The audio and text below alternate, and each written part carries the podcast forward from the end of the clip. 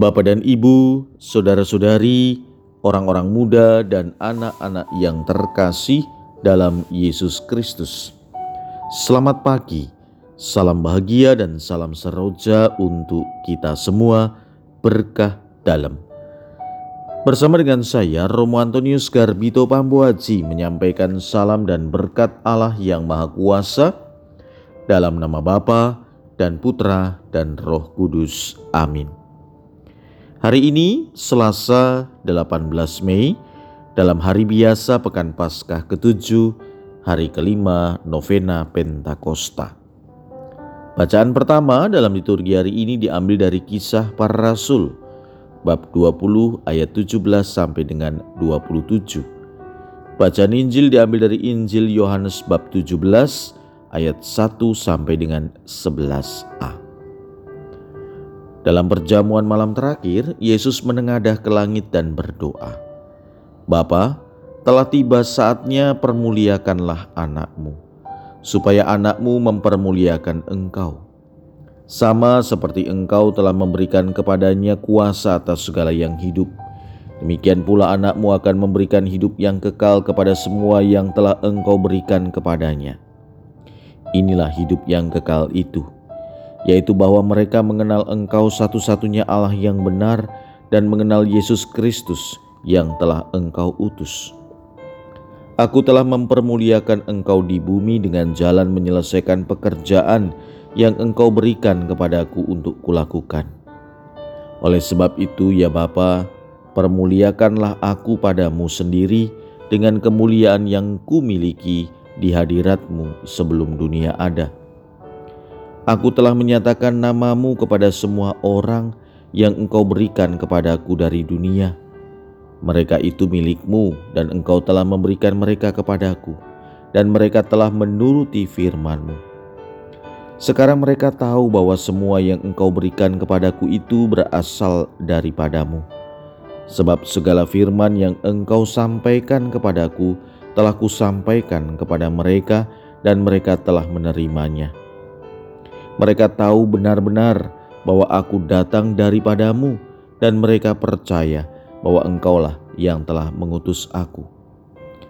Aku berdoa untuk mereka, bukan untuk dunia aku berdoa, tetapi untuk mereka yang telah engkau berikan kepadaku, sebab mereka adalah milikmu, dan segala milikmu adalah milikku, dan milikku adalah milikmu. Dan aku telah dipermuliakan di dalam mereka, Aku tidak lagi ada di dalam dunia, tetapi mereka masih ada di dalam dunia, dan aku datang kepadamu. Demikianlah sabda Tuhan. Terpujilah Kristus. Sabda Tuhan hari ini mengajak kita untuk menempatkan doa sebagai nafas kehidupan kita untuk menempatkan doa sebagai cara menunjukkan persatuan kita dengan Bapa.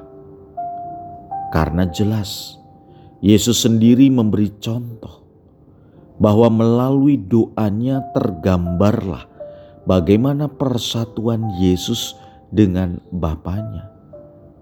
Mereka saling mempermuliakan mereka saling menguduskan, dan itu pun juga bisa terjadi pada kita. Kita diajak untuk percaya betapa kuat hubungan kasih antara Yesus dengan Bapaknya. Hal ini juga sekaligus mengajak kita untuk senantiasa bertekun dalam doa, supaya terjadi hubungan kuat kasih antara kita, Yesus, dengan Bapa. Bertekun dalam doa juga menjadi kekuatan bagi kita untuk melawan segala godaan dan kejahatan yang datang dari dunia. Bertekun dalam doa mengajak kita untuk kuat menghadapi tantangan dalam hidup ini. Mengapa? Karena ketika kita bertekun dalam doa, persatuan Yesus dengan kita semakin erat. Dan ketika kita menghadapi tantangan dan godaan dalam dunia ini, tentu Tuhan Yesus akan datang menolong kita. Marilah kita berdoa. Terima kasih Tuhan, karena dalam doamu kami engkau satukan dalam komunitas gerejamu. Jadikanlah kami saluran berkatmu. Berkat Allah yang Maha Kuasa, dalam nama Bapa dan Putra dan Roh Kudus. Amin.